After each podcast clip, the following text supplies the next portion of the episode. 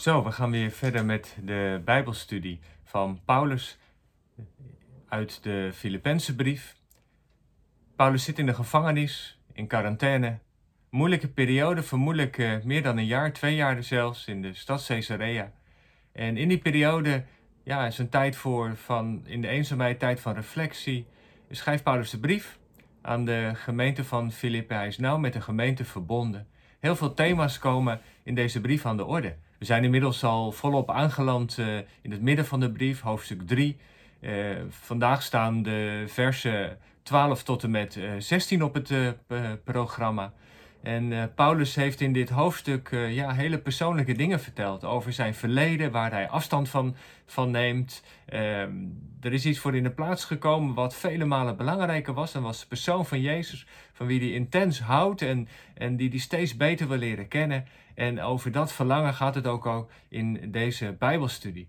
En het is bijzonder dat in deze tijd, eh, waarin wij zelf ook nog met alle gevolgen van het coronavirus te maken hebben, waar we veelal thuis verbonden zijn, dat we samen zo met elkaar verbonden met heel veel anders deze brief kunnen lezen. Zoveel thema's die Paulus aanreikt, eeuwen geleden geschreven, die voor ons ook zo belangrijk en actueel zijn. Laten we samen deze brief weer eh, gaan lezen, de draad oppakken. Filippenzen 3, 12 tot en met 16. Niet dat ik al zover ben en mijn doel al heb bereikt, maar ik houd vol in de hoop eens dat te kunnen grijpen waarvoor Christus Jezus mij gegrepen heeft. Broeders en zusters, ik beeld me niet in dat ik het al heb bereikt. Maar één ding is zeker: ik vergeet wat achter me ligt en richt mij op wat voor me ligt. Ik ga recht op mijn doel af, de hemelse prijs waartoe God mij door Christus Jezus roept.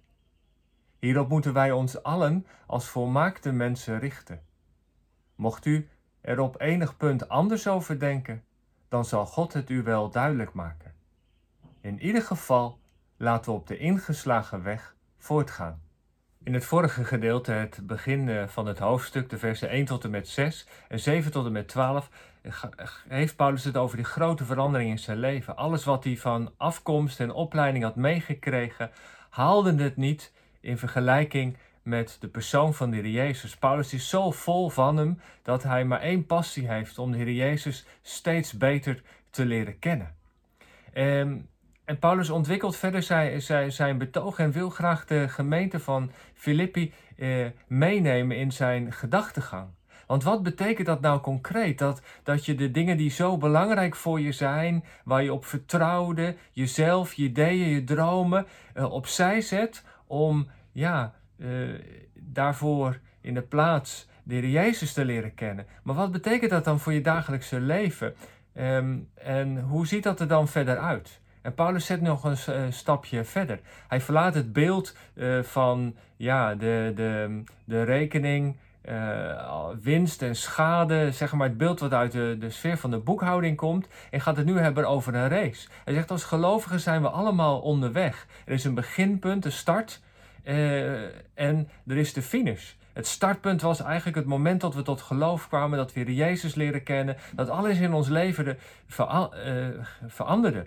En vanaf dat punt zijn we op weg gegaan, zijn we een bepaalde ja, het gaat natuurlijk over het christelijke leven, maar hij vergelijkt dat met een eh, renbaan. Zijn we aan het lopen? Zijn we op weg naar de finish?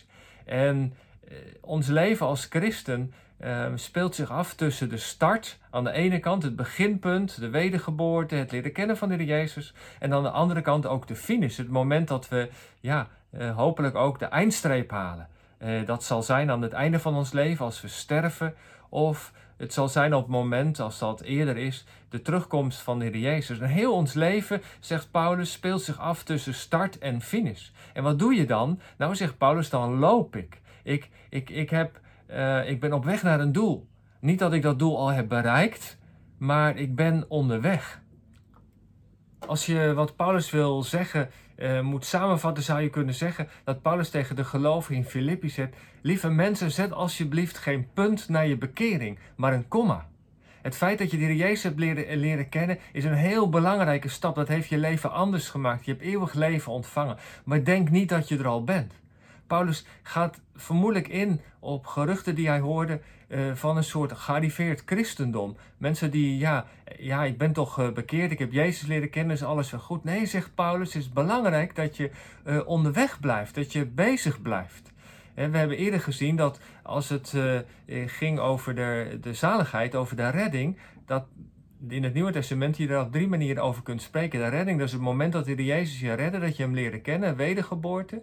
Eh, de zaligheid. Het tweede aspect van de zaligheid was dat je uit die zaligheid leeft. Het gaat over je levensheiling, je toewijding aan Christus. En je hebt de, de zaligheid aan het einde die je ontvangt als God je roept in zijn heerlijkheid. En hier, hier gaat het over het tweede, je zaligheid uitwerken. Wat betekent dat nou voor je dagelijks leven dat je Heer Jezus hebt leren kennen? En hoe ziet dat er dan verder uit?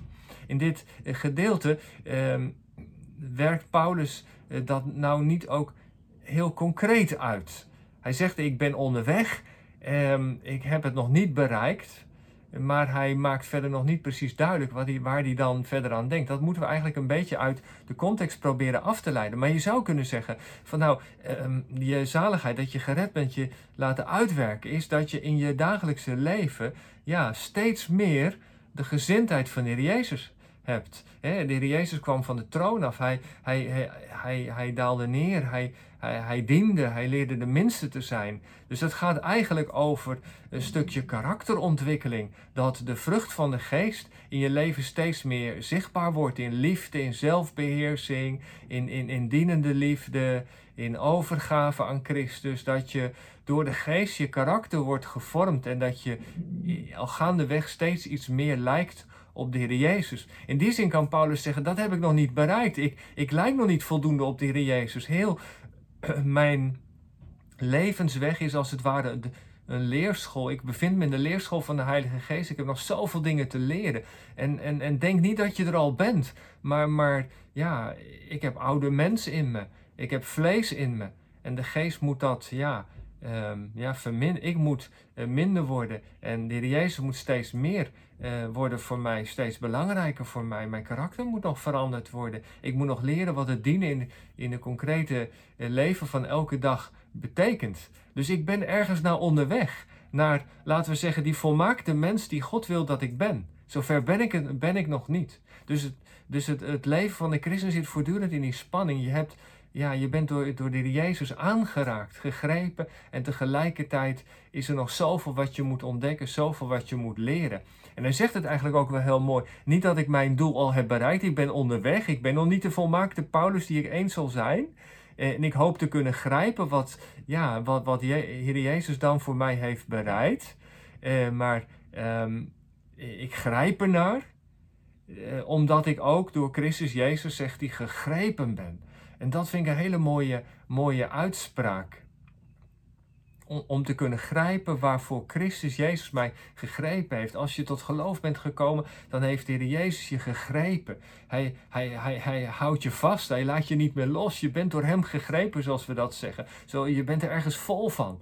En nu wil je die persoon beter leren kennen. Dat is uh, ja, waar ik mee bezig bent, zegt Paulus. Dat betekent dat je, dat je bidt, dat je met de woorden van God bezig bent, dat je Hem in je dagelijks leven probeert te dienen, dat je samen met andere gelovigen in de kring van de gemeenschap uh, God probeert te dienen, dat je probeert te getuigen, al die dingen uh, waartoe God ons heeft geroepen. Daarmee bezig zijn vormt je karakter en leert je steeds meer worden zoals je bedoeld bent.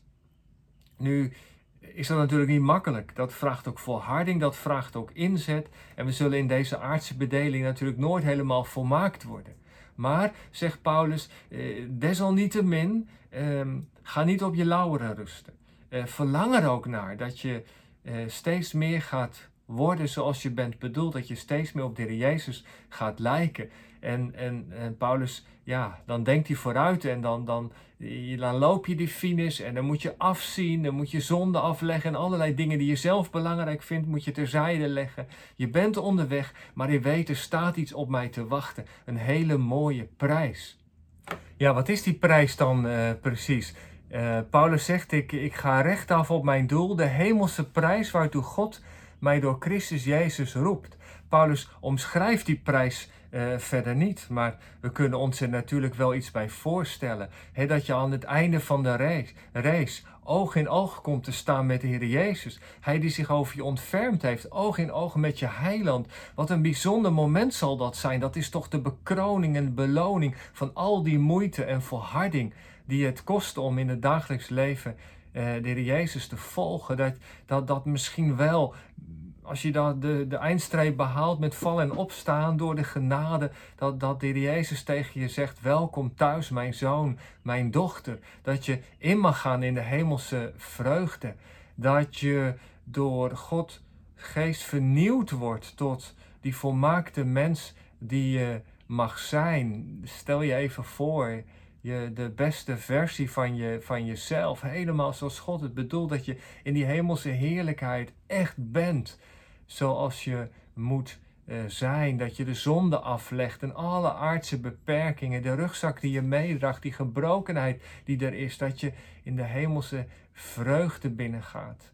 Uh, ja, en al die dingen. En een paar versen later gaat Paulus het hebben over de, de, um, over, over de Jezus die ons lichaam zal veranderen, zodat het aan zijn lichaam gelijk uh, zal worden. En ook over dat wij burgers zijn. Het zal, Paulus denkt ongetwijfeld ook aan het koninkrijk van God dat straks naar deze aarde zal, uh, zal komen. En de nieuwe hemel en nieuwe aarde, dat de verloste kinderen op de aarde mogen wonen in de tegenwoordigheid van God en dan altijd bij de Here zullen zijn. Dus ik denk die, die prijs die Paulus eh, omschrijft, eh, heel veel aspecten bevat die, die met de toekomst te maken hebben. Ja, het is ook wel natuurlijk een spannend beeld. Uh, je zou dat beeld van die, die, die, die rit, dat je aan het rennen bent, uh, dat kan ook heel individualistisch gezien worden. Van je moet harder lopen dan iemand anders om als eerste de, de prijs te, te halen. Uh, um, en al, wie het eerste over de finish komt, die krijgt de beloning. Zo zijn het vaak in de wedstrijden vandaag de dag die, die er zijn. Er kan er maar één de eerste prijs winnen. Uh, maar dat is het bijzondere van het evangelie. We zijn allemaal onderweg. En het is niet de bedoeling dat we ten koste van anderen op de eerste plaats komen. Of dat we steeds omkijken en zeggen, ha, ik ben lekker sneller. Nee, eh, het christelijk leven is weliswaar een, een, wedstrijd, maar het is bedoeling dat degene die aan de linker en de rechterkant van mij lopen, meelopen, dat we samen de finish behalen. En het wondere van het evangelie is dat er voor iedereen een troostprijs is. Of beter gezegd, dat iedereen die de finish haalt de eerste prijs uit de handen van de Jezus mag ontvangen. Dat is toch een geweldige stimulans om ehm, ja, nu al je in te zetten. Dus zegt Paulus, zet alsjeblieft geen uh, uh, punt naar je bekering, maar een komma. En, en, en, en verlang er ook naar om te groeien en meer uh, te worden zoals God je heeft bedoeld. En dan nog, nog één ding. Hij zegt, hierop moeten wij ons als volmaakte mensen richten de herziene statenvertaling eh, zegt laten wij dan die geestelijk volwassen zijn, deze gezindheid hebben. En ik denk dat dat wel de intentie is van Paulus. Hij zegt die beweging, eh, het bezig zijn met de dingen van God om te groeien in je karakter, in het kennen van de Heer Jezus. En laten wij, dat hoort bij een stukje geestelijke volwassenheid, dat je niet op je lauweren gaat rusten, maar dat je bezig bent en dat je anderen ook meeneemt, elkaar ook stimuleert om volwassen christen te zijn. Eh, die standvastig is, die in de Jezus gelooft, die gehoorzaam is, die ook in de strijd tegen de zonde niet op zijn lauweren eh, gaat rusten. En ik hoop dat jullie dat allemaal ook zo zien. En als dat nog niet zo is, ik vertrouw erop, omdat het zo belangrijk is voor de Heer Ehm, dat wij aan het beeld van de Jezus gelijkvormig worden, dan zal Hij je dat verder ook duidelijk maken. En laten we samen eensgezind wandelen. Laten we samen onderweg zijn om zo een gemeente te zijn, om zo gelovig te zijn naar het hart van God. Ja, en dan uh, tenslotte nog de vraag: wat kunnen we nou van dit kleine uh, stukje van deze versen meenemen? Wat nut ons dit? Nou, samenvattend uh, kunnen we in ieder geval, denk ik als eerste wel, wel zeggen, is gewoon misschien ook wel een vraag ter overweging. Uh, dat hebben we nog niet uh, uh, besproken, maar Paulus zegt in dit gedeelte ook, broeders en zusters, ik vergeet wat achter mij ligt en strek mij uit naar wat voor mij ligt. Dat, dat vergeten wat achter je ligt, dat heeft eh, met Paulus, met zijn verleden te maken. De dingen die fout waren, zijn verkeerde intenties, zijn verkeerde focus. De zonde die je had begaan, het vervolgen van de gemeente. En dat roept natuurlijk voor ons ook de vraag op, misschien ook wel een meditatieve vraag, van welke dingen zou jij graag eh, willen vergeten? Dingen die je hebt gedaan, die je hebt meegemaakt, welke dingen zou je graag achter je willen laten? Eh, om je te richten op het nieuwe van de Heer en niet op het oude van je oude leven. En misschien is het goed als je die dingen eh, voor jezelf wat op een ja, rijtje hebt gezet, wat opgeschreven om ze in gebed bij God te brengen. Zeg, Heer God, hier wil ik graag afstand van doen. En als het moeilijk is, als het een worsteling is, vraag dan om gebed, om de hulp van de Heilige Geest. En het tweede, wat natuurlijk ook heel duidelijk aan de orde is eh, geweest, zet naar je bekering geen uh, punt, maar een komma. Want God wil niets liever dan dat je groeit in het kennen en in het dienen van Hem. Um, ja, als, je, als de koning zich over je heeft ontfermd, eh, leef dan voor de koning. Ga dan voor de koning. Laat de koning ook koning zijn in je leven. En dat is wel, denk ik, uh, ook, ook belangrijk. Uh, wat uh, ja, van dit gedeelte kunnen, kunnen meenemen. En niet allemaal makkelijk. We hoeven het niet in eigen kracht te doen. En proberen in dit alles ook echt eens vooruit te kijken. De Heer Jezus is ons voorgegaan. Hij wacht op ons. En vanuit het einde kijkt Hij naar ons toe. Vanuit het einde bemoedigt Hij ons. En we zijn omringd door de grote wolk van getuigen die sporen ons aan. Ga de weg maar. Laat je karakter vernieuwen door de Heer Jezus. Dien maar. Eh, eh, zet je eigen plannen, dromen en idealen. Eh, leg die maar op het altaar van God. En vraag me, Heer, wat wilt u dat ik doe? Hij wil graag een geloof, hij wil een kerk hebben die beschikbaar is, die hem dient in de kracht van de geest. En laat dat ook ons verlangen zijn.